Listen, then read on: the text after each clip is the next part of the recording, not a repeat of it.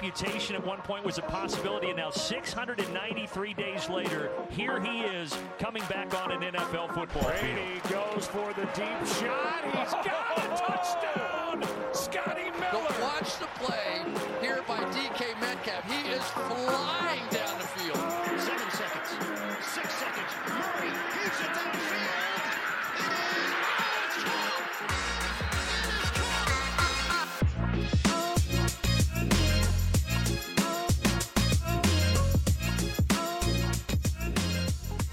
Welkom allemaal bij een nieuwe aflevering van de Sport Amerika NFL podcast. Week 18, de allerlaatste speeldag van het reguliere seizoen 2023 zit erop. We zijn vandaag maandag 8 januari, beter bekend als Black Monday in de NFL.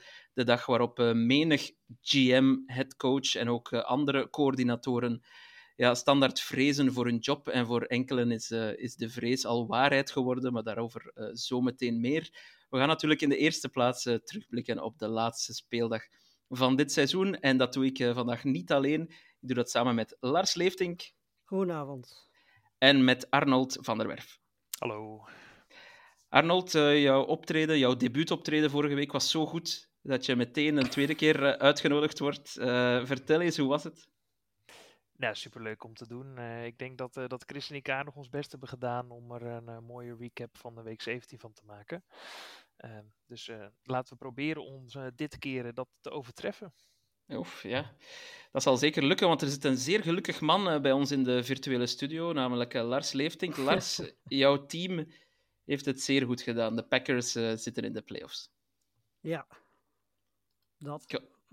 ja, nee. Ik, Kort en krachtig. ik heb verteld dat ik gisteravond niet zo kort maar krachtig was. Dat was eh, Ja. Het was weer onnodig spannend eigenlijk. Maar goed, eh, ja. Ze hebben het Ja. gedaan. Dat is eigenlijk al de grootste overwinning van dit jaar. Dus eh, alles wat nu nog komt is, eh, is een pluspunt. Ja, een eh matchup met de, de voormalige headcoach, de Super Bowl winnende headcoach Mike McCarthy. We zullen het Ja. daar, eh, daar wel nog over hebben, maar interessant, interessante storyline alleszins. Ja, nou, ik zat die wedstrijd van, even kijken, de Rams tegen de 49ers te kijken. In eerste instantie dacht ik dat de Rams moesten winnen. Als we, want ik, eerlijk gezegd zou ik liever tegen de Lions willen op dit moment dan tegen de Cowboys. Dus ik dacht dat de Rams moesten winnen. En toen kwamen ze op voorsprong. Nou, dat vond ik fantastisch en zo. En toen eh, kreeg ik daarna te horen dat, dat eigenlijk de 49ers moesten winnen. Nou ja, goed. eh, Ja. Eventjes blij, maar niet eh, heel lang. zeg maar. Ja, maar goed, het is, het is allemaal bonus, denk ik, hè, in het eerste jaar van Ja, Jordan Love. precies.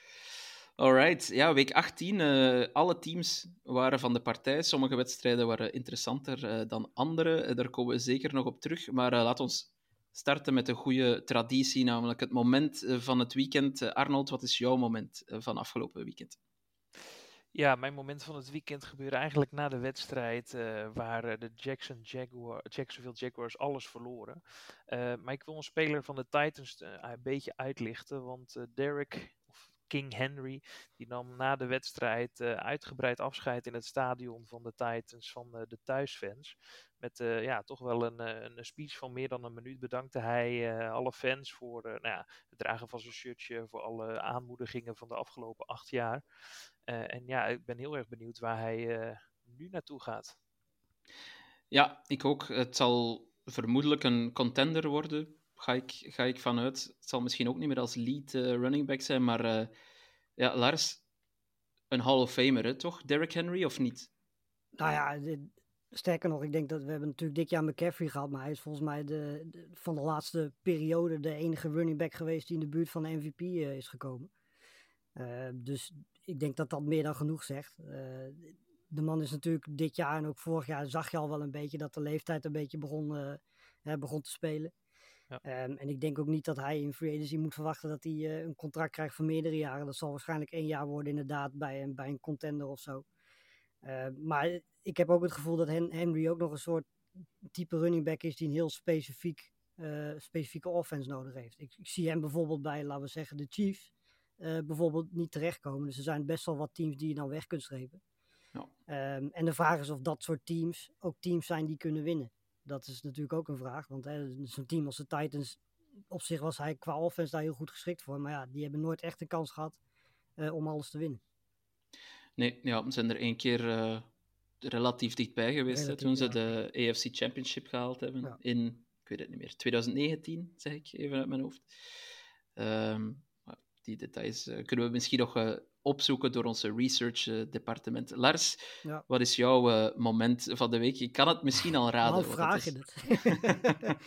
nee, ja, de, de, de Packers die de playoffs halen. Ik bedoel, eh, van tevoren zat ik hoop, stiekem te hopen dat de Saints en de, de Vikings in de early window zouden verliezen. Want als die twee zouden verliezen en de Seahawks zouden verliezen, dan hadden de Packers niet eens een zegen nodig. Dat gebeurde niet. Dus nou, vervolgens wist je dat de Packers eigenlijk gewoon moesten winnen als ze de playoffs zouden halen. En ja, het had eigenlijk met rust al beslist moeten zijn. Want eh, ze waren eigenlijk gewoon veel beter. Alleen ja, iets wat ze dit jaar heel goed in zijn geweest, is zichzelf in de vingers snijden. Dat deden ze afgelopen zondag ook weer, zeker in de eerste helft. Ook nog aan het einde in de vierde kwart, die fumble van Love. Waardoor ik toch ook wel weer het idee had van, is het nou echt weer zo'n avond-nacht?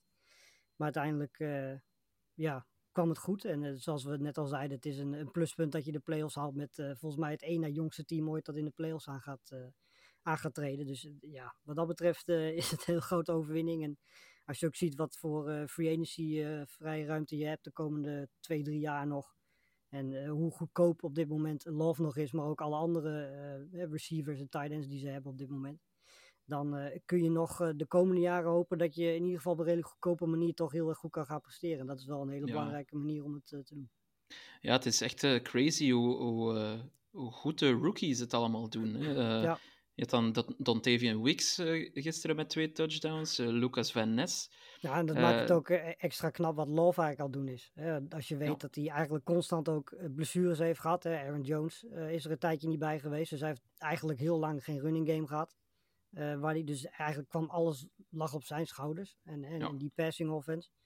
En dan heb je ook nog eens een keer allerlei rookies waar je naartoe moet gooien. En, en een tweedejaars receiver in, in Watson die meer geblesseerd is dan dat hij fit is.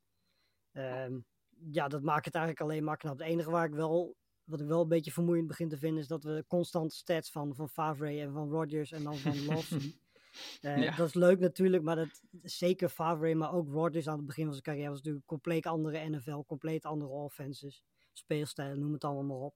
Dus het is leuk om dat te vergelijken natuurlijk. En het zegt wel iets over wat voor seizoen Love gehad heeft. Maar eh, er zijn natuurlijk wel grote verschillen tussen de NFL nu en eh, toen Rodgers en Favre hun eh, debuut maakten. Ja.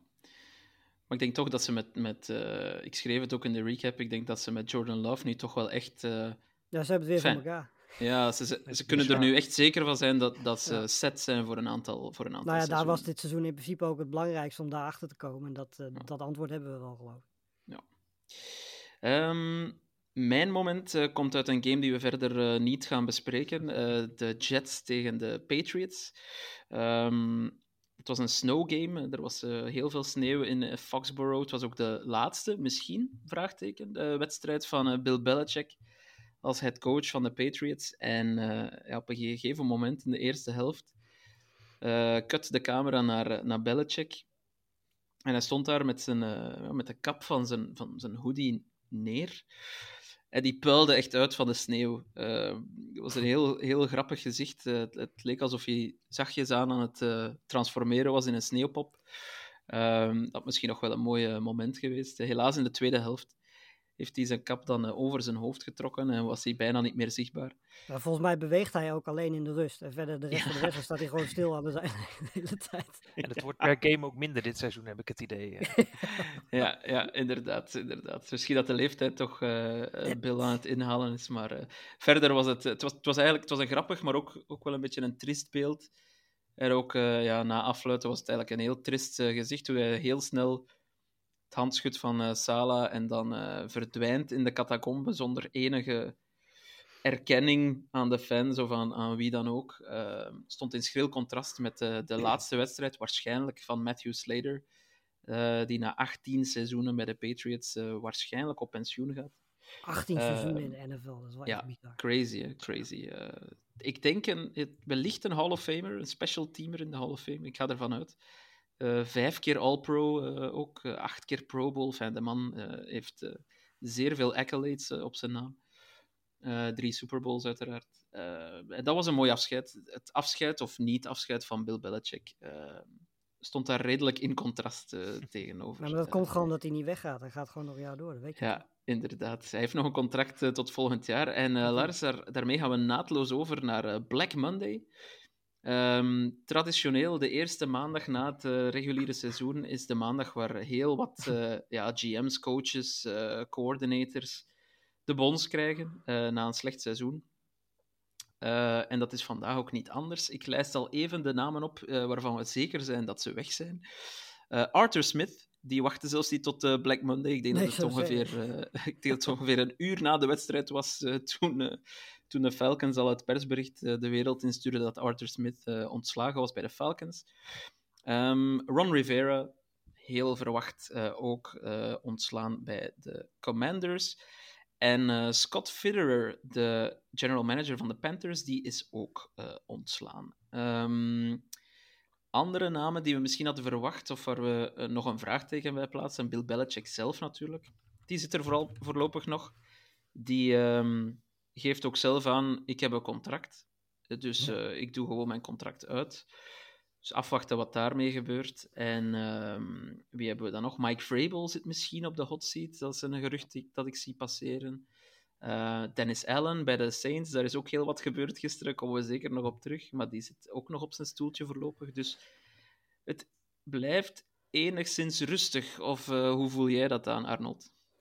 Nou, ik, eh, ik, was wel erg eh, eh, verbaasd dat de Falcons zo snel Arthur Smith ge- ge- gedag zeiden. Want volgens mij precies op midnight deden ze een bericht uit dat Ja. Arthur Smith weg was. Dus die waren er echt klaar mee. Ehm, ja, de naam inderdaad een beetje als verwacht. Je zou nog kunnen zeggen dat eh, Scott Fitterer misschien opvallend is. Ehm, omdat dat nu al gebeurt. Hè. Je zou het misschien verwachten, maar meer om een soort eh, transitie nog te maken in de offseason. En met Eberflus eh, ja, lijkt toch nog ook een jaren de kans te krijgen bij de Bears. Ja. Die, die had ik misschien ook nog wel verwacht.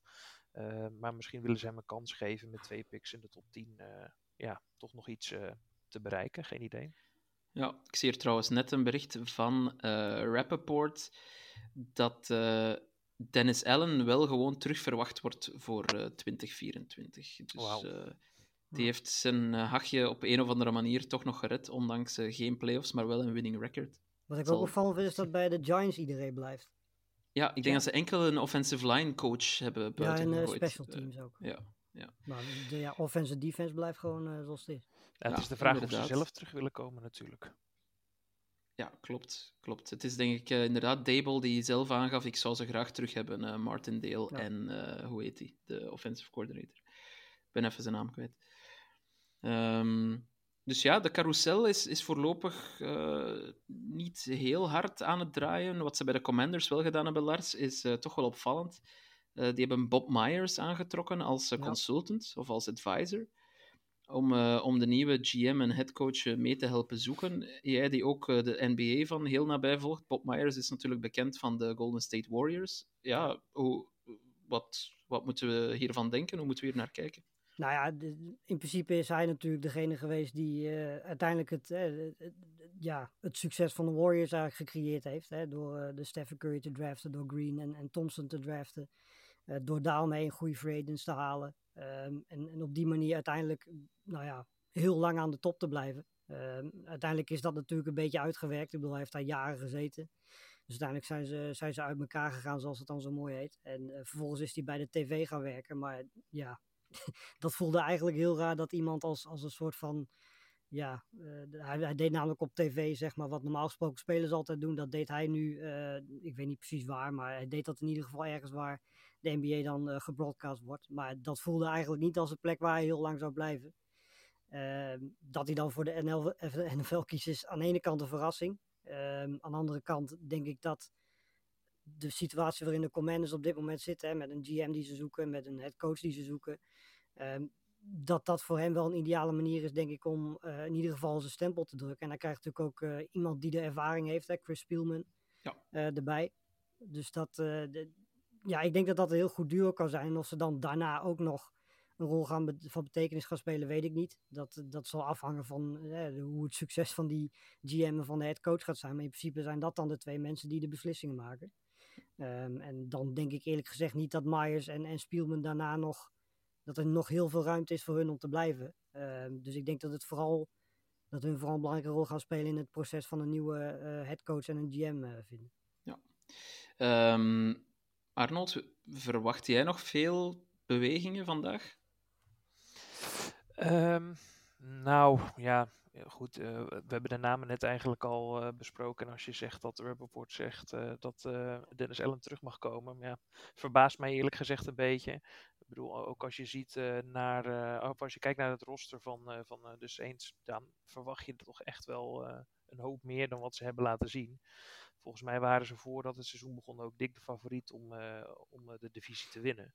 En als je dan ziet hoe ze eindigen, ook al was het een vermakelijke wedstrijd gisteren en hebben ze een winning record, ja, vind ik, eh, vind ik opvallend.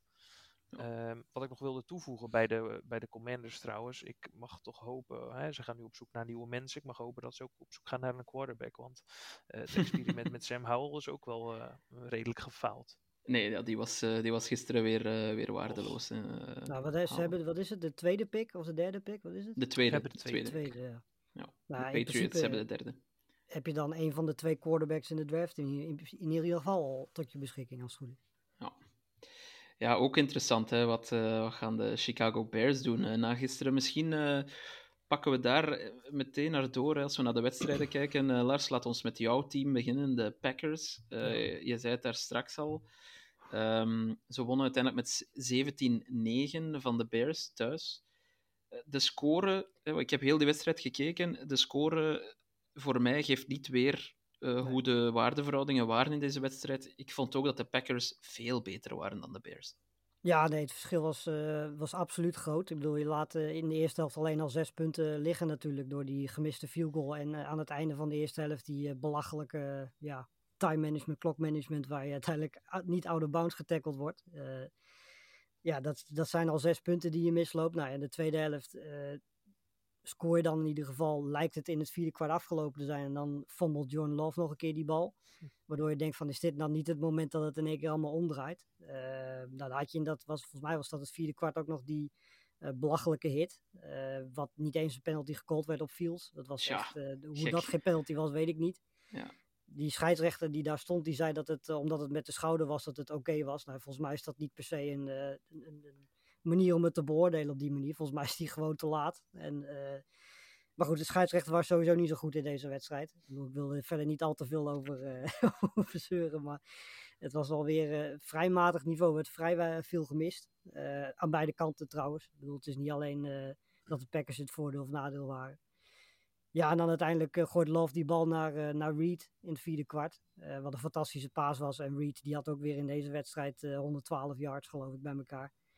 Eh, is ook een, een fantastische draft pick gebleken tot nu toe. Zo, Ehm, Dat en- kan je wel zeggen, ja. ja, weet je, als je dan vervolgens ook nog jongens als, als Melton en Wicks, die zitten boven de 60 yards eh, receiving.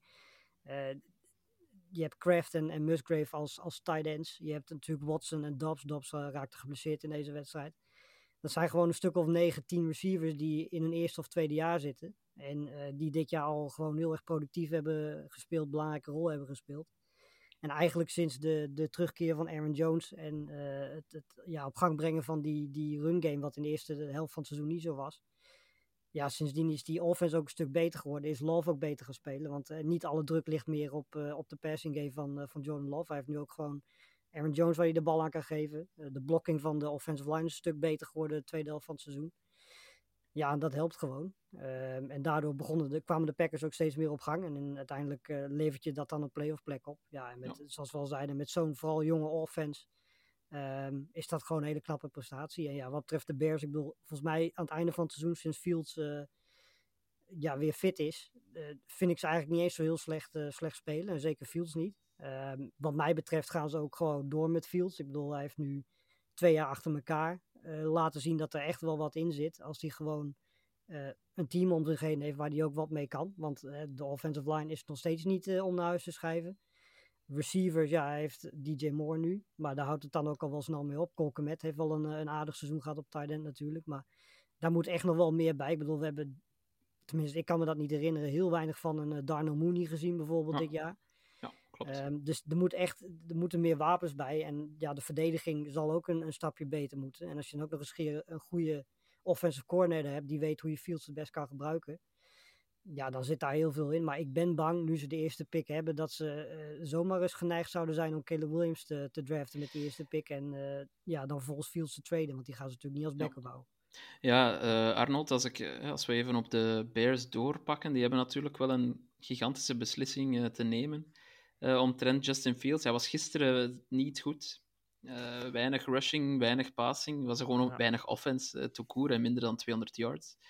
In totaal eh, werd ook vijf keer gesackt. eh, was constant onder druk. Ehm, ja, maar wat, wat moeten ze ermee in Chicago? Ja, hier hebben Chris en ik het vorige week ook over gehad. En toen was ik eh, toch eigenlijk net eh geswitcht van kamp. Eh, in eerste instantie zat ik eigenlijk wel op de lijn waar Lars ook op zit. Namelijk dat ze door moeten gaan met Fields. Maar als je dan gaat kijken naar die twee jaar, dan zijn zijn statistieken, ja, dat zegt niet alles, hè, maar niet echt veel beter dan, dan, dan vorig jaar. Ook al had hij wat minder games en was hij weer hè, eventjes geblesseerd. Maar ja, uh, ik denk dat, uh, dat uh, de Bears rustig gaan afwachten. En ze kijken wel wat voor uh, offers er komen, zowel voor de first pick als voor, voor Justin Fields. En ik denk dat ze dan eens goede, een goede beslissing gaan, gaan nemen. Ze hebben natuurlijk ook nog een eigen pick op plek 9 in de draft straks. Dus ze hebben twee picks in de top 10 in principe. Ja, uh, je kunt wel, als je een besluit te houden, heel veel uh, draftkapitaal houden en uh, echt wel goed gaan neerzetten voor de toekomst. Dus het wordt wel interessant, maar ik denk dat ze gewoon rustig afwachten wat er op en afkomt. Ja, dit, dit is natuurlijk volgens mij ook zijn vierde seizoen volgend jaar waar hij aan gaat beginnen. Ja, Ja, ik denk het. Dus ja. dat betekent dat, hij, uh, dat je natuurlijk ook binnenkort uh, in die fase komt dat je moet gaan beslissen over een nieuw contract en of je dan door wil of niet.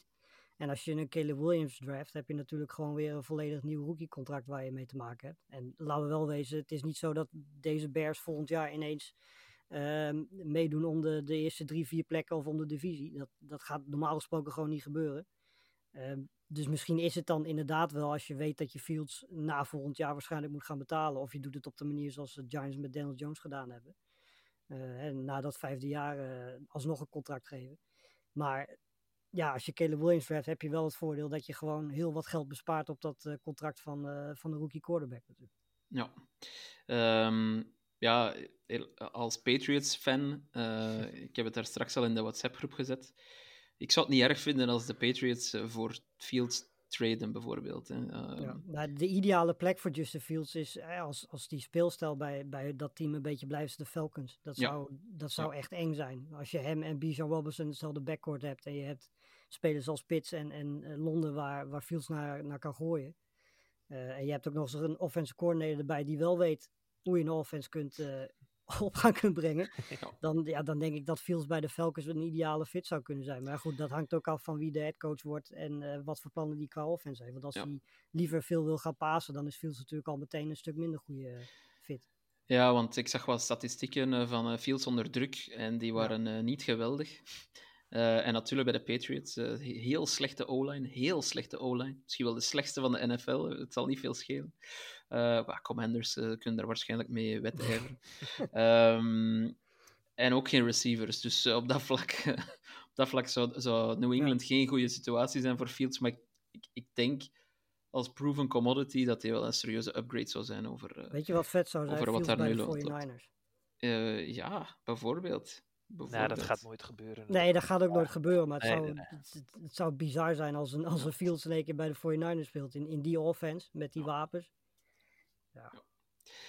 In elk geval, qua um, roster building en, en, en rebuilding en omgaan met, uh, met, met de toekomst en het oude loslaten uh, en daar kwaliteit voor in ruil krijgen. Ik denk dat uh, heel veel teams eens op schoolreis mogen gaan naar Green Bay, want die, die laten wel zien ja. hoe het moet ongelooflijk eigenlijk. Uh, ik acht ze zelfs niet kansloos uh, volgende week, maar uh, die, die, preview, die preview doen we later, later deze week. Um, Sunday Night Football, de allerlaatste wedstrijd van dit seizoen, of reguliere wedstrijd van dit seizoen.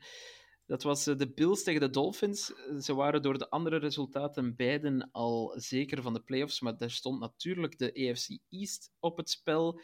Uh, Arnold, de Bills, die uh, wonnen uiteindelijk bij de Dolphins. Ik moet zeggen, bij de rust, uh, en zelfs kort na de rust, had ik dat niet meer verwacht, want ik vond de Bills weer zeer, zeer, zeer slordig spelen. Um, maar kijk, een, een heel goed, een fantastisch vierde kwart zorgt ervoor dat, dat ze alsnog winnen en alsnog voor de vierde keer op rij de AFC East winnen. Hoe heb jij naar die wedstrijd gekeken? Nee, ik denk dat je het goed hebt verwoord, uh, Toon. Want ja, tot die punt return van uh, Harris is er eigenlijk uh, niet veel aan de hand. staan de Dolphins eigenlijk best prima te spelen.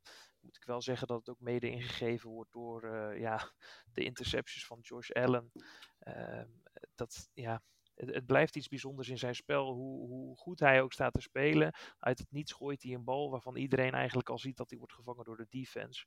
En uh, vooral uh, even kijken in het tweede kwart volgens mij. Hij gooit de bal naar de endzone. En er wordt dan uh, daar geïntercept. Ja, er staan ja. drie verdedigers rondom één receiver. Dus hij, hij, rent uit de pocket naar rechts. En vervolgens gooit hij de bal een beetje naar links. midden de endzone in. En je, ja, je denkt waarom gooi je eigenlijk in hemelsnaam die bal? Um, maar ja, wat ik zeg, een mooie punt return en vervolgens uh, verandert het momentum een beetje voor de Bills. En uh, mede ingegeven door de duizenden fans die in het stadion zaten. Uh, bizar om te zien, maar ja, weten ze toch nog om te draaien. En uiteindelijk krijgt, krijgt de defense ook nog een stop op het einde, waardoor ze ja, de wedstrijd over, over de streep trekken. Ja, zo goed in het vierde kwart was Allen inderdaad zo ja, wisselvallig was hij daarvoor. Ik vond, ik vond het weer heel gek om te zien, want eigenlijk alles aan, aan de drives van de Bills is goed. En dan twee keer in de red zone gaat het heel, of, ja, twee keer in de red zone gaat het helemaal mis. Dan ook nog eens die fumble. Uh, ja, je de bal laten ontfutselen door Melvin Ingram of all people is toch... Uh, nou, maar dat, dat is het dus daar met de Bills vaak en ook met Allen vaak. Het is, als het gebeurt, is het in, in de red zone of in de buurt van de red zone. Het is niet op je eigen helft of het is niet op het middenveld. Het is altijd op momenten dat je zelf veel kunt scoren. En, en daarmee maken ze het zichzelf gewoon heel moeilijk. Het is als je kijkt eigenlijk ook een wonder. Want ze hebben deze wedstrijd ook gewoon weer vijf turnovers als je die twee uh, fourth downs die ze niet halen erbij telt. Ja. Is het eigenlijk een wonder dat je wint van het team dat maar twee turnovers heeft. En in dit geval lukt het wel. Maar ja, 8, 9 van de 10 keer als je vijf turnovers hebt, verlies je die wedstrijd. Ja, en toch, uh, als je. Ja, ik vond het trouwens een hele leuke wedstrijd om te zien. Uh, het was echt wel spannend ook. Uh, ik, ik, was heel blij dat de Dolphins uh, ja, zich niet lieten afslachten, waar ik wel een beetje bang voor had, want ze misten wel wat, wel wat mensen, zeker op defense. Um, maar als je dan ook gewoon naar de statistieken kijkt, ja, de, de, uh, de Bills 473 yards aan offense, de, de, de Dolphins slechts 275. Ja, dat is al een gigantisch verschil. Ja. 17 minuten verschil qua balbezit uh, in het voordeel van de, van de Bills. En natuurlijk, ja, waarom is het dan spannend? Je moet dat dan terugbrengen tot die turnovers. Hè. Ik kan bijna geen andere conclusie trekken. Uh. En dan is de vraag, wat gaat hiermee gebeuren in de playoffs? Want daar kan dat nog crucialer zijn. Nou, wat ik heel erg vond in deze game is, je zei ze, uh, Dolphins mist een aantal mensen op defense, maar het gemis van Jalen Waddle bijvoorbeeld, maar ook uh, van Raheem Mostert. Uh, ja, zeker. Laat toch wel zien dat de rookie Etienne, ja, to, hè, hij, hij speelt bij Vlagen heel erg fantastisch. En het is zeker een, een, een, mooie speler om naar te kijken. Maar ja, als het alleen op hem af, aan moet komen, of op Wilson, die er af en toe nog in het spel betrokken wordt, dan zie je dat het eigenlijk toch te sumier is. En uh, Waddle had de laatste weken wel wat grote plays toen hij in het veld stond. En, en eigenlijk heb je dan alleen uh, Tyreek Hill, want ja, een speler als Barrios. Of ik was even vergeten dat Chase Claypool ook op beide Dolphins zit. Ja, zeker. maar ja dat, dat, ja, dat kun je niet verwachten dat zij dat, dat oppakken. Vier catches dit seizoen, Chase Claypool voor de Dolphins. wat, een, wat een carrière is hij toch aan het maken. Stijgende ja. lijn. Maar uh, ja, als je, dan, als je het dan uh, even toch terugbrengt ook tot de quarterbacks. Eh, Josh Allen wisselt fantastische dingen af met, met onbegrijpelijke dingen. Um, maar uh, ja, Lars Tua, die, die liet zich wel gisteren niet van zijn beste kant zien. Hè. Zeker die laatste interceptie, ja, oef, die was nee. heel slecht. Dat was inderdaad geen goede bal. En het is, uh, weet je, als ze Dolphins zijn, dan kun je zeggen van ja, als je het vergelijkt met de wedstrijd eerder, dit seizoen tegen de Bills, was dit een stuk beter. En heb je progressie geboekt, want hè, ze verloren in week 4 48-20 van de Bills. Dus wat dat betreft is dit al een, uh, een hele vooruitgang. En daar hebben we natuurlijk aan het begin van het seizoen heel vaak over gehad, dat uh, de Dolphins heel goed waren tegen de, de mindere teams of de middenmotors. Maar tegen de topteams ging het, ging het vaak fout nou ja, ze hebben in ieder geval gewonnen van, van de Cowboys. Maar je ziet het toch eigenlijk nog steeds wel, op het moment dat de tegenstand echt goed wordt, eh, ja, mist er toch iets, ontbreekt er toch iets. En of dat dan de offense is of de defense is, het is eigenlijk allebei tot nu toe gebleken. Hè. Tegen de Ravens was het eh, in principe beide, maar vooral de defense die natuurlijk gesloopt werd in die tweede helft. Eh, de Bills, in deze wedstrijd was het eigenlijk wel weer meer de offense die, eh, die problemen had. Ehm, maar het zijn wel altijd tegen de goede teams. En dat zijn wel de teams die je tegen gaat komen straks in de playoffs. Ehm hè, waaronder het beginnen met, met zometeen natuurlijk meteen de Chiefs. Die dit jaar een hele goede defense hebben. Dus ja, dat zal wel beter moeten. Net zoals het bij de Bills beter zal moeten dat ze minder turnovers eh, gaan hebben in de playoffs. Ja. Dat tweede zie ik eigenlijk niet gebeuren. Want volgens mij zit dat gewoon in het spel van Allen.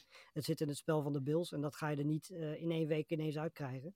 Zeker niet als je tegen betere defenses speelt die, die makkelijke turnovers kunnen, kunnen forceren.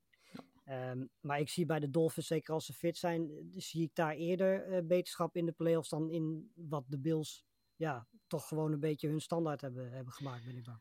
Ja, en de Bills hebben natuurlijk nog altijd eh, eh, minstens één fenomenale, onbegrijpelijke Gabe Davis game eh, die eraan komt. Want hij had eh, gisteren alweer twee targets, nul receptions, nul yards. Dat is toch echt een enigma, die man. eh, je begrijpt er toch echt niks ja. van. Ja, en in, in, in tegenstelling daartoe kunnen ze wel weer eh, beschikken over eh, Playoff Lenny natuurlijk. Die eh, Ja. ook weer eh, in het spel. Daar was hij plots. Ja. Ja, 2,9 yards eh, per carry. Dat is eh, niet, niet om over naar huis te schrijven, maar het was zijn eerste wedstrijd pas. Dus eh, we gaan hem, we gaan hem het, het voordeel van de twijfel geven, nog playoff Lenny. Maar goed, de Bills, vierde keer op rij winnen de AFC East. Ehm, ja, de Dolphins. Ze gaan toch stilaan met, een, met een complex opgezadeld zitten, denk ik, wat betreft de, de betere teams in deze league. En ze mogen zaterdag eh, in primetime op bezoek bij de Chiefs. Dus dat wordt, eh, dat wordt weer een interessante. Tyreek Hill terug naar Kansas City. Eh, ook weer een mooie verhaal. Ja. Ehm, alright, we moeten het hebben over wellicht de grootste implosie van dit seizoen. Namelijk de Jacksonville Jaguars. Die gingen op bezoek bij de Tennessee Titans. Ik heb het ook eens even nagekeken. Begin december hadden de Jaguars een kans van 98,3% op de playoffs. Eh, maar ja, als je dan. eh, wat Dat is is geen het, 100%, hè? Nee, als je dan vijf van je laatste zes eh, games verliest, dan, dan, dan word je er zomaar uitgeknikkerd. En zo geschieden tegen de Titans 2028. Eh, wat een King Henry, Arnold, je zei het al, die, een, die toch nog eens een vintage game had als laatste game voor de Titans. Maar eh, ja, waar, waar moeten we beginnen, Arnold, eh, over deze implosie van de Jaguars? Want het is toch bijzonder. Ja, en eh, wat ook bijzonder was, is dat Lawrence opeens besloot om allemaal intercepties te gaan gooien. Hij was natuurlijk vooraf questionable, omdat hij met schouderblessure zat. Was eigenlijk tijdens de wedstrijd niet te zien, vond ik. Hij stond vooral in het begin best wel prima te spelen. Alleen ja, op een gegeven moment gooit hij twee intercepties bijna nou, eh, niet helemaal achter elkaar, maar toch wel kort na elkaar. En, en daardoor vergooien ze eigenlijk letterlijk hun, kansen om, eh, om nog op, eh, tot een resultaat te komen. En wat je zei, ja, King Henry was lekker bezig. Hij had eh, 153 yards, 8,1 eh, eh, on average met een touchdown. Dus ja, dat is inderdaad wel een mooi afscheidscadeautje voor, de, tijd, voor de Titans thuispubliek, zou je kunnen zeggen. Ehm, maar ja, waar het aan ligt, eh, je kunt moeilijk zeggen dat het alleen aan het gemis van Christian Kirk ligt. Want voor het seizoen had ook niemand die als eh, key receiver eh, eh, daar toegedicht. Dus ja, ik vind, het, ik vind het erg opvallend. Ze stonden volgens mij 8 en 3 hè, op een gegeven moment, wat je zei, met die grote kans. Ze deden mee om de nummer 1 seed. En vervolgens eindigen ze als, als negende in, in de AFC. Bizar. Ja, ehm, de Jaguars, Lars, vorig jaar misschien eh, net een verrassing. Hè? Zeker ook nog een wedstrijd gewonnen in de playoffs. Hè? Die, die eh, crazy wedstrijd tegen de Chargers. Ook dan nog best goed gespeeld tegen de Chiefs, herinner ik mij. Ehm, en ja, iedereen dacht, Calvin Ridley komt erbij, nog wat andere, nog wat andere pionnen. Eh, ze gaan een stap voorwaarts zetten, maar eigenlijk hebben de Jaguars een stap teruggezet. Ja, het- what's next voor de Jaguars? Het leek erop dat ze ook een stap voorwaarts hadden gezet. Totdat eh, in principe week 13 begon tegen de Bengals. En eh, vanaf dat moment is het eh, op een of andere manier ingestort. Ik bedoel, als je kijkt van wie ze verliezen. De Bengals, ze verliezen van, van Browning, die er in die wedstrijd ineens uitziet alsof hij al eh, 15 jaar in de NFL speelt. Ze verliezen van de Browns en dat was volgens mij nog, met, was met Flecko toen inderdaad al. Dus die zag er ook in één keer uit alsof hij niet richting de 40 gaat, maar dat hij nog 25 is. Eh, de Ravens, nou ja, dat kan gebeuren. Weet je, wel, er zijn heel veel teams die eh, van de Ravens verliezen. Maar daarna de Buccaneers, eh daar word je echt door afgemaakt. Nou, dan win je tussendoor 26-0 van de Panthers. Ik denk, Dat is nu ook Ja. geen prestatie. precies. en dan ja, krijg je dit als, als slotwedstrijd. Ja, het is, het, voor mijn gevoel is het heel onnodig. Maar voor mijn gevoel is het ook een beetje, wat daar een beetje symbool voor staat, is het seizoen van Ridley. Want Ridley die was de eerste 7, 8 weken was hij echt heel goed. Ving hij eigenlijk bijna alles. En de, de afgelopen, wat is het, 7, 8 weken is het echt heel, eigenlijk bijna onzichtbaar geweest wat hij heeft laten zien. En Lawrence heeft daar ook zelf een beetje aan meegedaan. Want ja, aan het begin van het jaar zeiden we vaak van ja, er werden ballen niet gevangen. Receivers lieten ze, lieten ze lopen, hij werd niet geholpen. Maar de tweede helft van het seizoen heeft hij zichzelf ook niet geholpen. Met eh, toch wel een paar rare beslissingen. Turnovers, ook in deze wedstrijd weer. Ehm, ja, ze hebben het gewoon zelf compleet onnodig eh, weggegeven. Als je ook het programma wat ze dit jaar eh, gehad hebt, ziet. Ja, weet je, in principe hebben ze de, de 49ers en de Ravens eh, hebben ze gehad. Eh, en aan het begin van het seizoen natuurlijk de, de, de Chiefs en Bills nog. Ehm, ja, dat is in principe normaal gesproken, als je dat allemaal naast elkaar zet, dat schema, dat is een schema waarin je in een vrij matige divisie Ja. eh, moet kunnen winnen. Natuurlijk heeft het niet meegeholpen dat dan de Texans ineens een, een, een fantastische quarterback hebben die vervolgens het hele team beter maakt. Met ook de goede coachingstaf erbij natuurlijk. Maar ja, weet je, je hebt eigenlijk zelf eh, onder meer ook de Colts eh, een beter team gemaakt. Want hè, de Colts hebben ons denk ik met z'n allen wel aardig verrast. We hadden daar van tevoren hele lage verwachtingen van. Ehm, maar zelfs ondanks de blessure van Richardson deden zij het eigenlijk best prima dit jaar.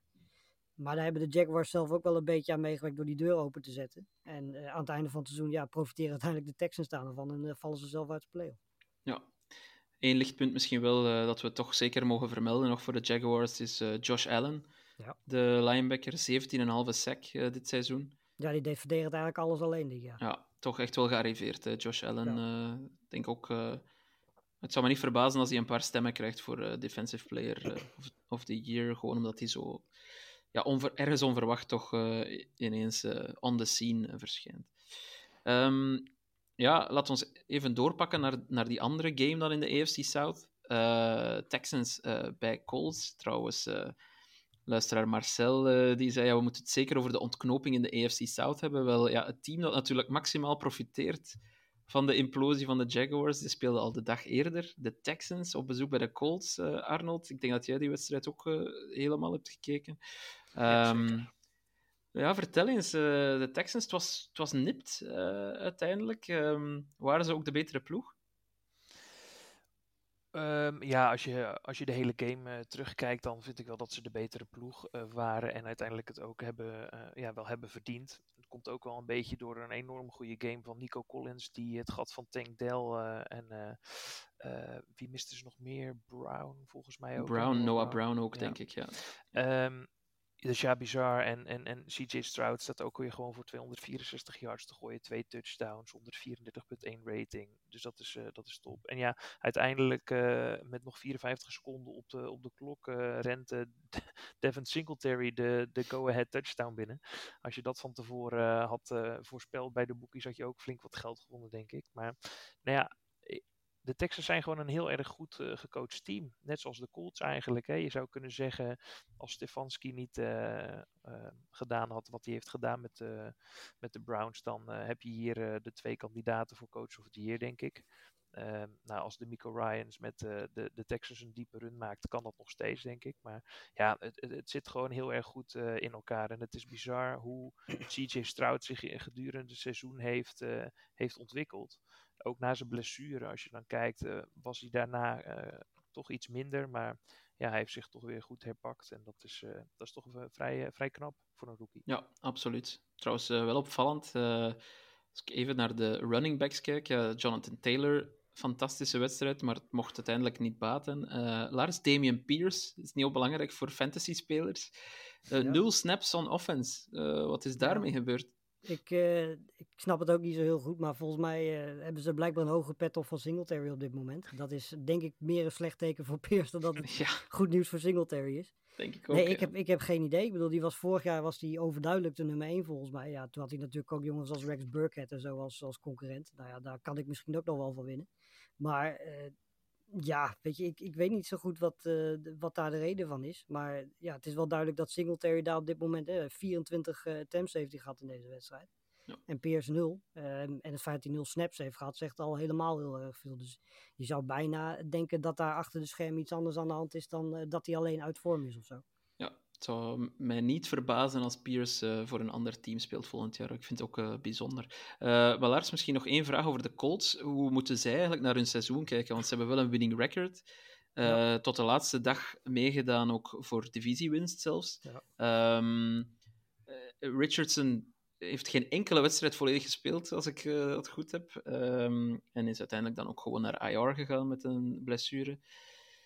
Ja, zijn de Colts tevreden eh, of, of toch eerder teleurgesteld dat ze het toch niet gehaald hebben? Nou, Ik denk ja. dat het eh, beide is. Ik denk dat ze tevreden zijn. Want ik bedoel, hebben van tevoren als iedereen eh, vroeg om een Colts een record te geven, daar had je ze een dik losing record gegeven, denk ik. Als je gewoon het hele team zag, dan eh, ja, dacht je er niet eens over na om hun in de buurt van playoff plekken te zetten. Dus ik denk wat dat betreft dat ze dit jaar eh, competitief zijn geweest. Ook zonder eh, Richardson en met Minshew. Dat, eh, dat is denk ik positief. Het negatieve eraan is dat je natuurlijk een seizoen Richardson kwijt bent geraakt. Eh, hè, want die heeft drie, vier wedstrijden gespeeld. En dan inderdaad niet helemaal volledig. Merendeel daarvan. Dat is denk ik het, het grootste minpunt. Maar goed, als je kijkt, weet je, Taylor die, hè, die heb je nu voor langere tijd vastgelegd. En die heeft ook laten zien dat hij eh, in principe richting het eind van het seizoen gewoon weer in zijn ritme van eh, de afgelopen jaren is gekomen. Dus dat is ook voor Richardson volgend jaar heel goed nieuws. Ehm, verder heb je jongens als Downs, eh, als receiver, Granson als, als tight end. Die heb je dit jaar ook stappen zien maken. Die kunnen met z'n drieën, hè, als je Pittman erbij telt, heb je in ieder geval vier goede wapens waar Richardson volgend jaar wat mee eh, kan doen. De offensive line eh, is weer terug op zijn oude niveau gekomen. Hè. Die was vorig jaar, had hij een dipje. Maar dit jaar was dat weer een stuk beter. Ehm, ik denk dat de vraagtekens vooral bij de verdediging liggen. Want er zijn een paar jongens die eh, contract aflopen, die free agents zijn komende zomer. Ehm, dus daar zullen denk ik de, de antwoorden vooral eh, gezocht moeten gaan worden. Maar ik denk dat er zeker aanvallend gezien eh, na dit seizoen veel hoop is. Zeker ook omdat in die wedstrijden dat Richardson speelde, eh, kan ik me herinneren dat ik en met mij meerdere best wel onder de indruk waren van het feit dat hij ja, niet de rollercoaster was die we van tevoren verwacht hadden. Nee, klopt. Eh, ja, zijn vervanger, Minshew, en de contract. Eh, wat denk je, Arnold? Zie je hem volgend jaar opnieuw in Indy als backup? Of gaat hij ergens misschien zelfs starter kunnen zijn? Nou, ik zag, eh, ik zag mensen die eh, eh, Carson Wentz afgelopen week bij de Rams heel erg goed vonden spelen en denken dat die ergens een starting job krijgt. Dus als dat het, als dat het verhaal is, dan, dan kan Minshew zeker wel zoiets verwachten. Nee, ja, ik vind het lastig om te zeggen. Minshew heeft gewoon laten zien dat hij een heel erg goede backup quarterback is. Ehm, en met het talent wat er ook nu aankomt uit de draft en, en, en ja, de huidige quarterbacks. Die, eh, het ligt een beetje aan de carousel hoe die op gang gaat komen en, en, en wie allemaal gaat bewegen. Maar ik verwacht eerlijk gezegd dat die of blijft of ergens anders als backup gaat, eh, gaat Ja. dienen. En misschien vooral ook na zijn laatste bal. Want eh, we hadden het net over het einde van die wedstrijd. Maar als Minshew de bal net iets verder vooruit gooit en, en Goodson laat de bal niet vallen, dan zitten de Colts in de playoffs en hebben we het nu niet Ja. meer over de Texans. Dat klopt. Goodson eh, was er trouwens het hart van in. Dat was best een eh, hartverscheurend interview eh, dat hij nadien gaf. waarin hij zei: Vandaag of op dit moment zijn het enkel nog mijn ouders die mij graag zien. Dat, was, eh, Ja, dat is wel heel zielig is- inderdaad. Dat is hard. Ja. Overigens had Minshew wel aangegeven dat het ook zijn schuld was, omdat hij de bal niet goed had gegooid. Dus dat, nou, is dat wel, was eh, zeker zo, ja. dat was goed. ja, maar goed, je zou kunnen zeggen, Goodson heeft de bal vast met twee handen, die mag je nooit laten vallen. Dus het, het is een beetje schuld aan beide kanten, zou ik Ja, zeggen. maar je ziet aan, aan de, de, de manier waarop Goodson zijn hele lichaam moet draaien om überhaupt een kans te maken om die bal te vangen. Dat is eigenlijk al een teken dat die bal van, van Minshew gewoon niet goed is. Nee, eens. Eh, in principe moet Goodson gewoon zijn, zijn handen uit kunnen strekken of hem gewoon op zijn borst kunnen leggen.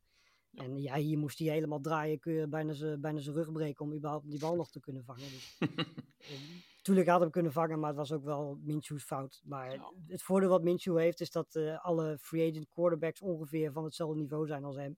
Dus hij zal met al die andere namen gaan strijden voor die, voor die backup plekken. Ja.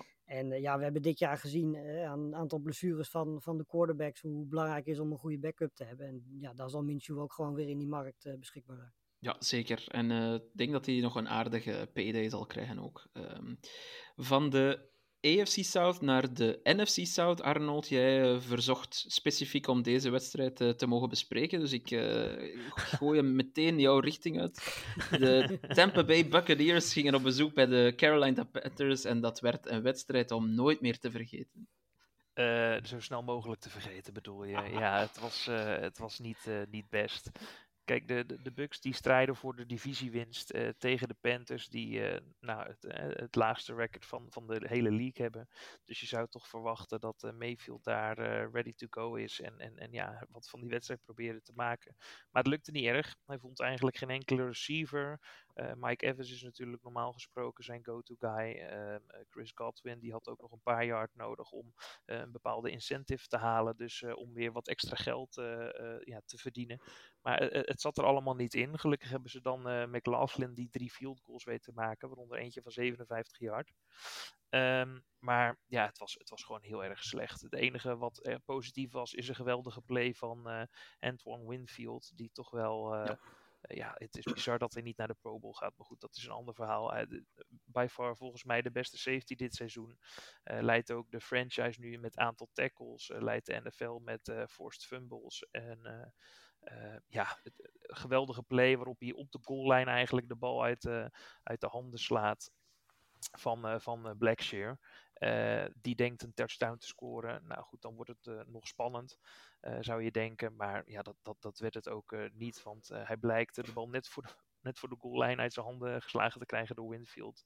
Ja, als hij die play niet maakt, dan zou het zomaar kunnen zijn dat de Bucks niet eens de divisie winnen. Dus dat was het enige positieve, denk ik. Ja, Winfield die moet, die moet toch all-pro worden. Wat, een- wat, een, wat een seizoen speelt die man. ja, Ehm. Lars, de Panthers. ehm, de laatste keer dat ze punten konden scoren was op kerstavond. Eh, dus dat, is ook- dat zegt eh, heel veel.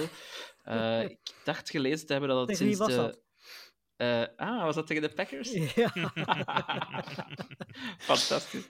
Ehm, ja, Joe Barry denk ik wel ook een kandidaat om ontslagen te worden wanneer het seizoen van de Packers erop zit. Ja, het, het- het- weet je, het, het is vooral.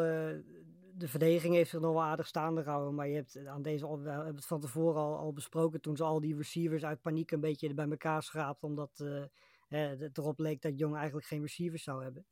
Nou ja, van al die jongens heeft eigenlijk alleen Thielen een goed seizoen gehad. En eh, de rest, ja, weet je, is, eh, is eigenlijk bij elkaar geraapt en is nooit echt een geheel geworden. Running game hebben ze het hele seizoen niet gehad. Eh, dus ja, weet je, en de offensive line was drama. Want ik heb Jong eigenlijk meer onder druk zien staan en op de grond zien liggen.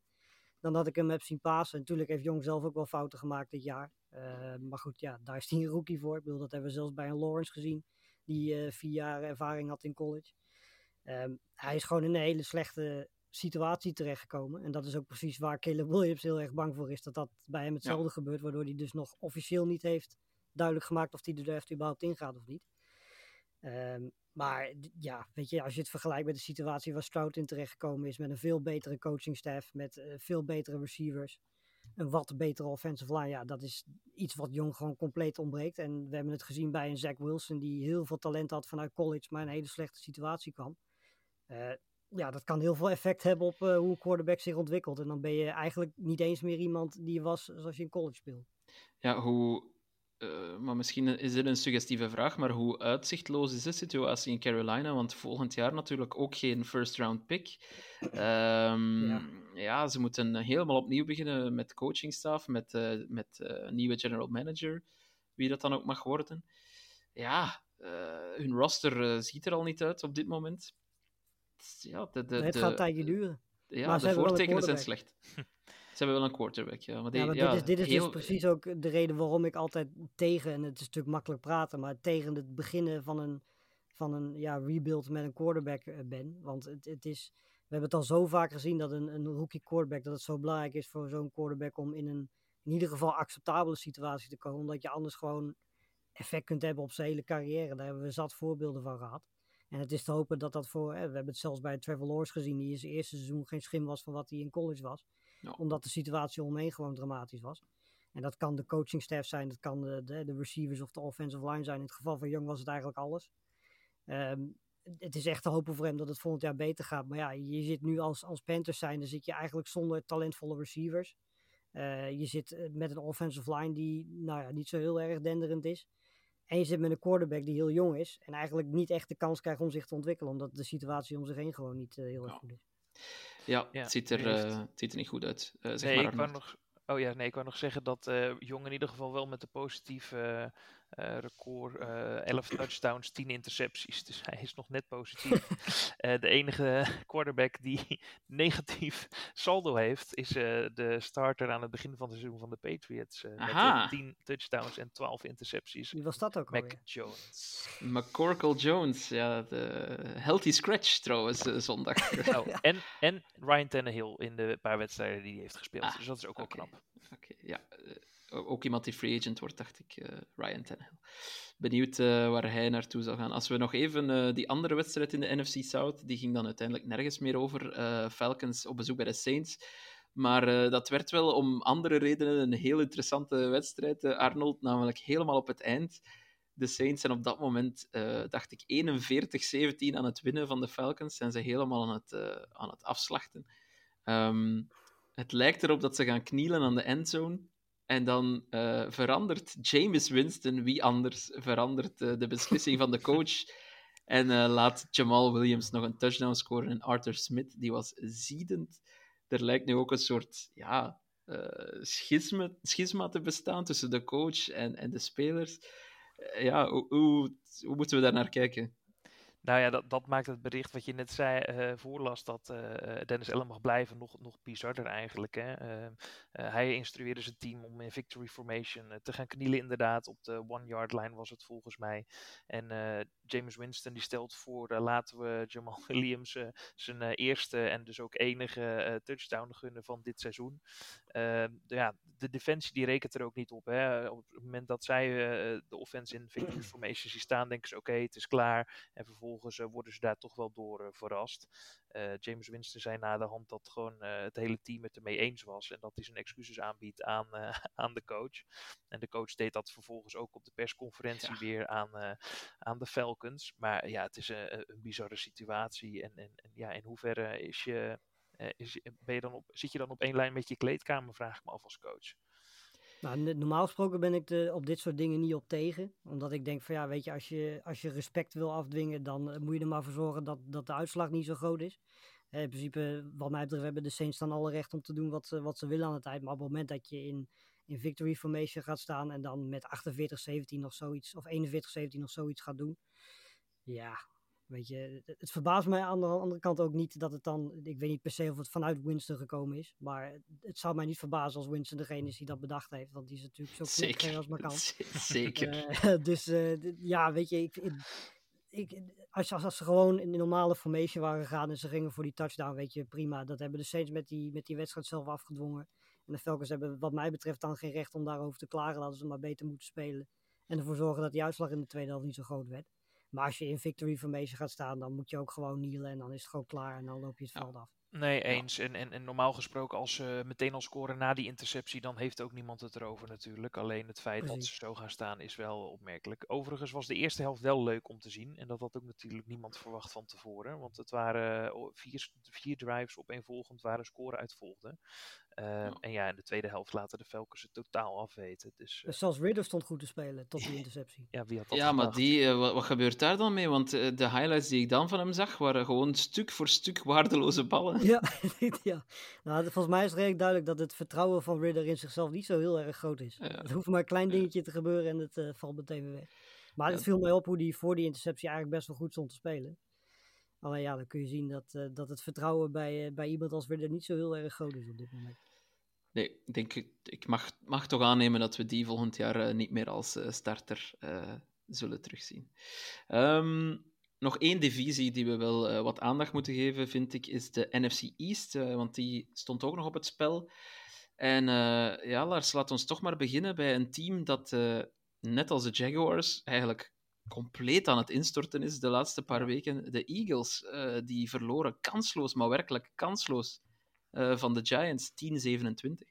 Ja, zeker de eerste helft was eh, ja, bizar. Ik heb de, de Eagles, we hebben de afgelopen week de Eagles best wel matig zien spelen. Je, zag het ook, zelfs in de periode dat ze aan het winnen waren, zag je dat ze dat meestal toch wel met moeite of met hakken over de sloot deden. Maar dit, wat de eerste helft tegen de Giants ging echt helemaal nergens over. Dat was echt, ja, als je, als je te- tegen iemand zegt we gaan naar dit team kijken en je zegt niet dat ze de play-off halen, dan zeg je van eh, oh, deze gaan eh, volgend jaar de first round pick hebben of zo. Ja, Zo slecht was het. het eh, ja, en dan speel je ook nog eens een keer tegen het team dat eigenlijk, nou ja, de laatste week onder de Vido was het dan wel weer ietsjes beter. Maar in principe is dit seizoen van de Giants natuurlijk een verschrikking geweest. Ehm, en dan sta je vervolgens met rust sta je 24-0 achter. Heeft Hurts een, een blessure. Die middelvinger zag er ook niet heel erg lekker uit. Ehm, ja, en dan in de tweede helft mag Mario daar spelen en dan scoor je nog wat puntjes. Maar dat was, met rust was het natuurlijk al beslist. Eh, ondanks dat eh, de, de Cowboys het moeilijk hadden vervolgens eh, op hun beurt in de eerste helft met de, met de Commanders. Maar ja, je had eigenlijk met rust al het gevoel dat deze Eagles niet meer terug zouden komen in die wedstrijd. nee, en ik denk dat zelfs in het tweede kwart eh Hurst er al uitgenomen wordt. Ja, trouwens, wel goed nieuws, denk ik, voor de Eagles-fans. Maar het was, ja, zijn vinger was enkel maar uit de kom.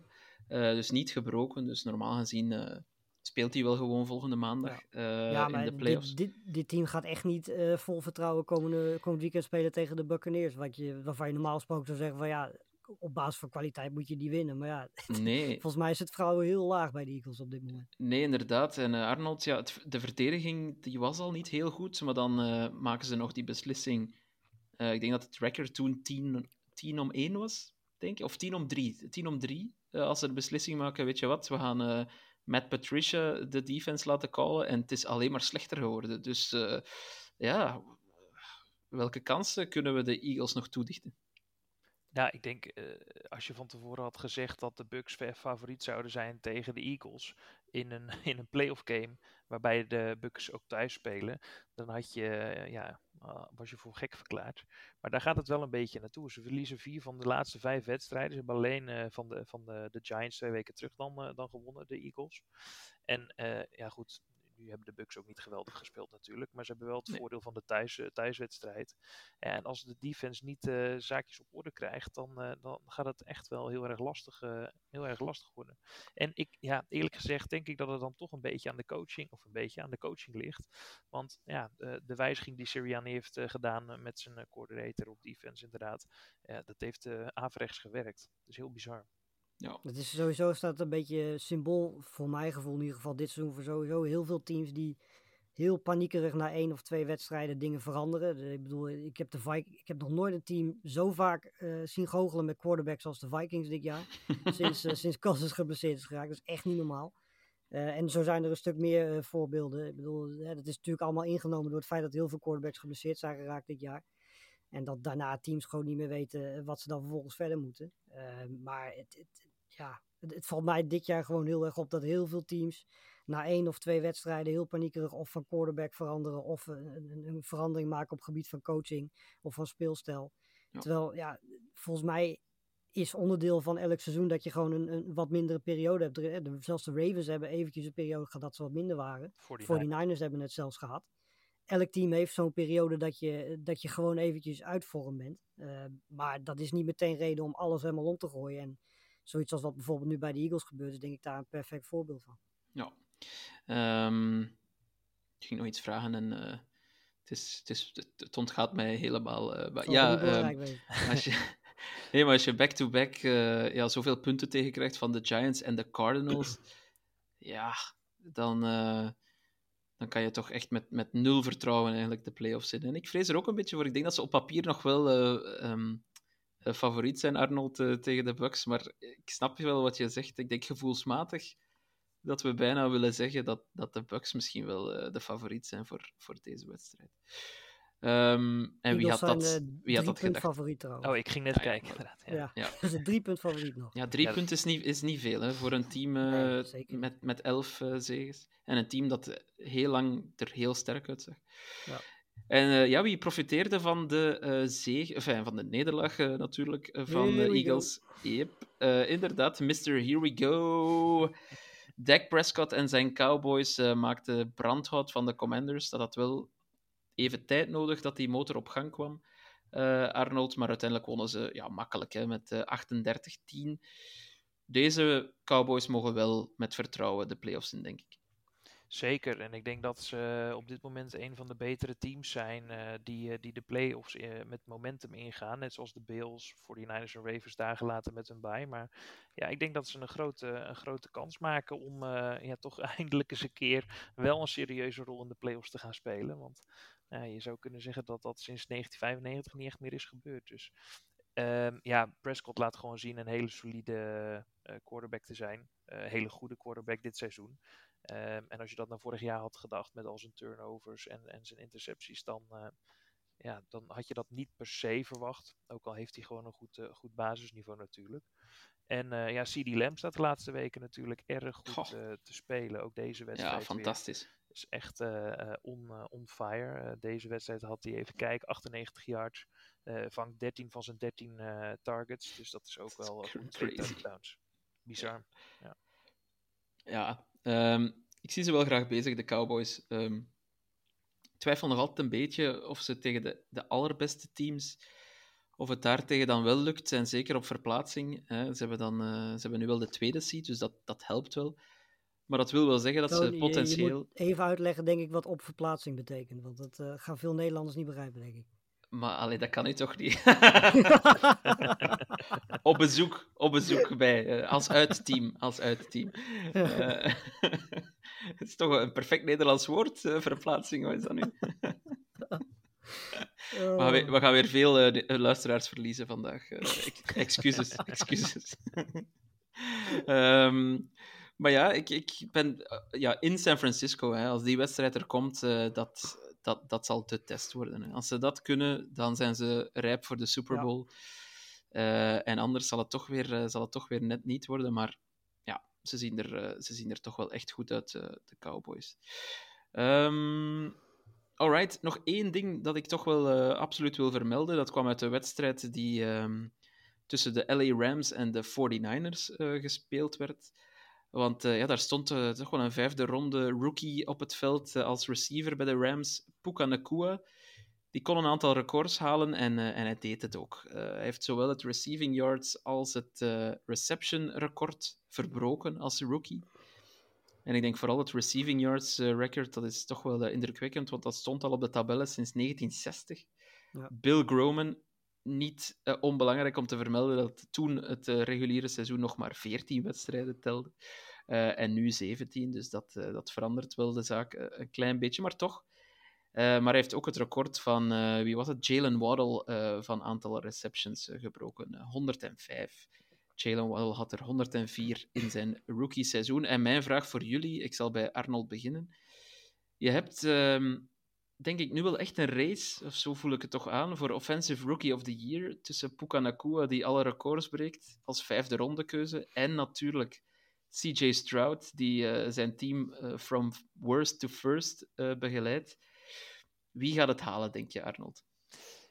Uh, nee, dat zal Stroud worden. Ik denk, uh, gezien de, de belangrijkheid van de, van de positie waarop hij staat te spelen, dat uh, dat, dat toch de doorslag gaat geven. Ook al vind ik zelf dat Bukanakua hem dit jaar zou moeten winnen. Ehm, ja, hij heeft eigenlijk best wel constant ge, gepresteerd. Heeft ook volgens mij geen wedstrijd gemist. Um, en, en Stroud natuurlijk wel een paar wedstrijden, ook al kon hij daar niet echt wat, wat aan doen. Maar ja, als je al die records breekt en, en je bent uh, niet zozeer onder de rookies, maar überhaupt als wide receiver een van de betere dit seizoen, ja, dan, dan verdien je volgens mij uh, zeker alle lof. En daar hoort die prijs dan ook bij. Maar ik weet ja. niet hoe jij daarnaar kijkt, Lars. Ja, mee eens. Ik uh, denk dat wat Stroud heeft, heeft gedaan, die heeft samen met, met de, de, de coachingstaf eigenlijk in één seizoen die hele franchise omgedraaid van, van een team dat uh, eigenlijk weinig uitzicht had op toekomst naar in één keer een, een playoff plek en een divisiekampioenschap. Ja, dat is, uh, dat is als rookie quarterback is dat echt, echt heel erg moeilijk. Bedoel, we hebben dat echt de laatste jaren niet gezien als we het überhaupt ooit alles op zo'n niveau gezien hebben. En uh, ja, ik denk sowieso al heeft natuurlijk een quarterback altijd het voordeel met dit soort prijzen. Dat zien we bij de MVP, dat zien we bij de, bij de Rookie of the Year ook. Um, maar wat Nakua heeft gedaan is knap. En dat is ook weer een, een, teken dat de Rams gewoon heel erg goed zijn in het ontwikkelen van receivers. Want we hebben natuurlijk met de Cooper Cup ook uh, zo'n ontwikkeling gezien. En ja, Nakua is natuurlijk zo'n zo'n team. We hebben het Edwell eventjes zien doen voordat hij weer eens geblesseerd raakte. Want dat is, is en blijft toch een blessuregevoelige gevoelige speler. Was in college ook al zo. Ik wil ook Sam Laporta nog wel even noemen. Ja. Als we het dan toch over offensive rookies of the year hebben. Hij zal er waarschijnlijk net niet bij zitten, want tight end is een beetje geblesseerd geweest ook gewoon. Eh, afgelopen weekend raakte hij ook weer geblesseerd in een wedstrijd die voor de Lions eigenlijk helemaal nergens meer om ging. Ja, zou, misschien, wel, zou eh, misschien wel kunnen spelen. Ja, precies. Nou ja, goed. da- daar komen ze dan goed mee weg. Want als je die kwijtraakt, dat is eh, misschien wel samen met St. Brown is dat gewoon hun beste wapen eigenlijk wat ze hebben. Dus ja, als je die mist in de playoffs zou dat wel heel pijnlijk zijn. Maar Laporte heeft dit jaar de verwachtingen wel overtroffen, denk ik, van, eh, van alle analytici van tevoren eh, in de draft, maar ook van alle Lions fans, denk ik. Ja. Nee. En niemand Ja. heeft het meer over Hawkinson. Nee, nee, klopt. Eh, jij wou nog iets eh, daaraan toevoegen, Arnold? Of? Nou, wat sowieso bizar is, is dat de Lions vijf spelers hebben die 10 touchdowns of meer hebben gescoord dit seizoen. Ja, Ehm, Ja. Dus als je het dan hebt over een allround offense, dan eh, is dat wel eh, bijzonder. Trouwens, nog één ding dat ik eh, eigenlijk over de Cowboys en met name Dak Prescott wou zeggen, voor, eh, voor Lars mij eh, onder de bus gooide voor mijn Vlaams. Ehm, in, in het offseason verklaarde hij in een interview: Ik wil dit seizoen minder dan 10 intercepties gooien. Ik heb daar toen smakelijk om gelachen.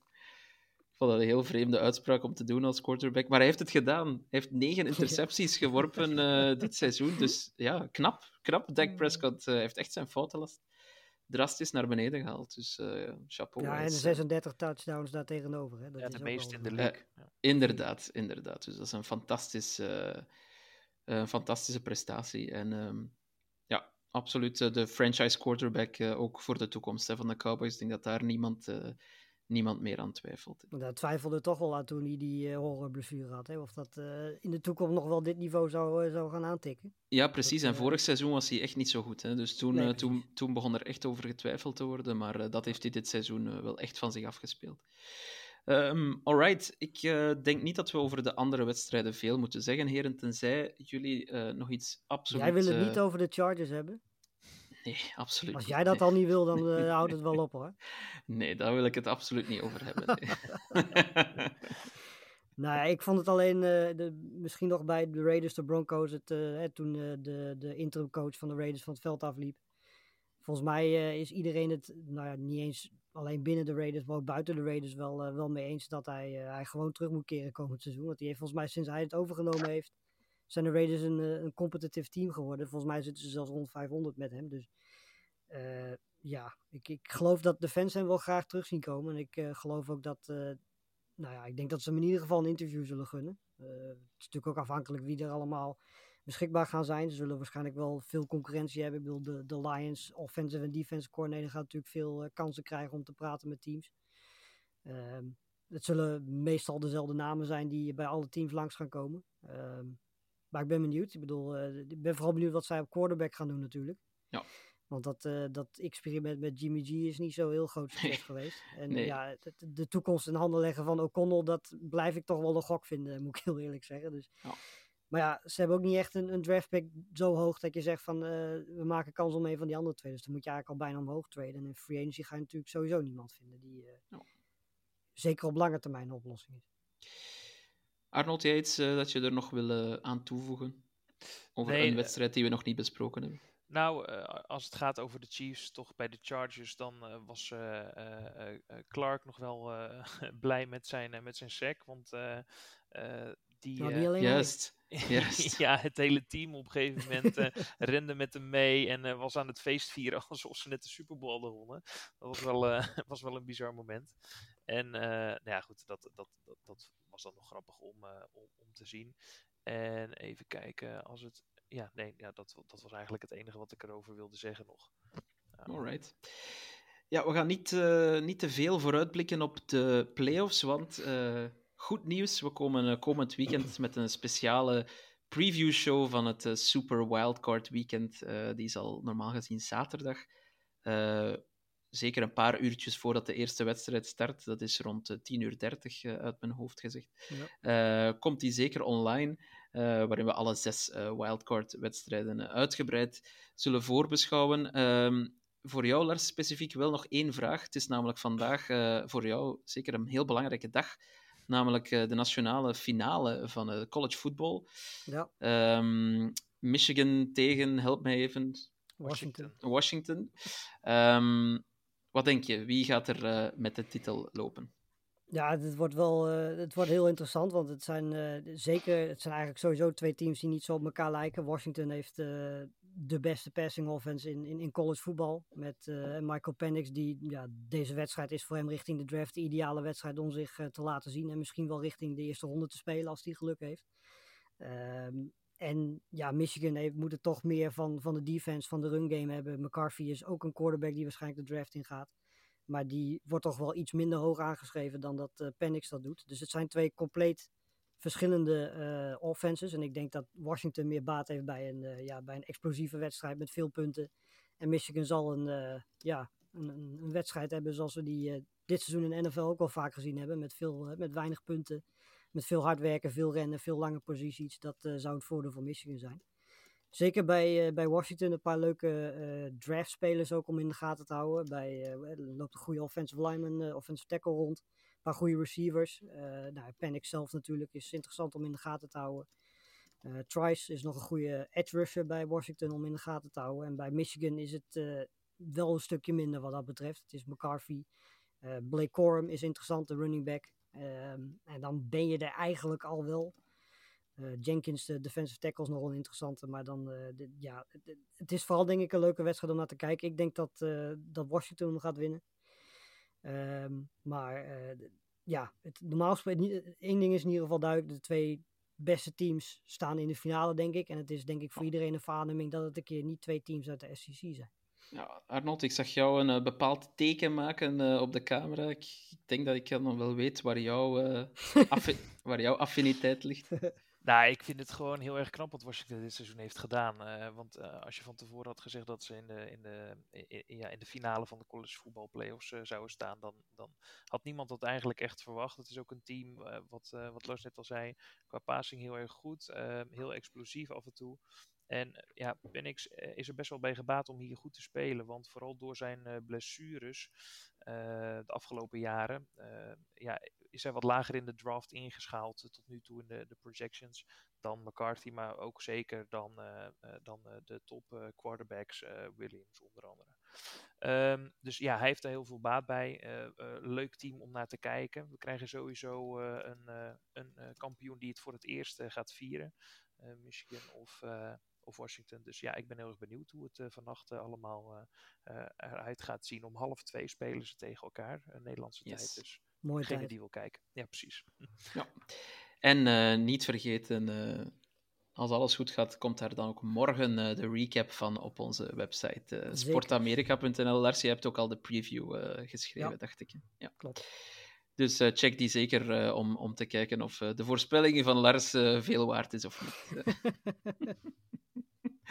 Alright, we zijn er door, heren. Bedankt voor jullie deskundige input. we komen zeer snel bij elkaar terug voor, voor de previews op Super Wildcard Weekend en ook ja, alle andere previews en reviews die we nog gaan doen voor de playoffs het echte werk in de NFL kan nu beginnen de komende maand uh, richting Super Bowl. Dus we komen zeker nog heel veel bij jou terug.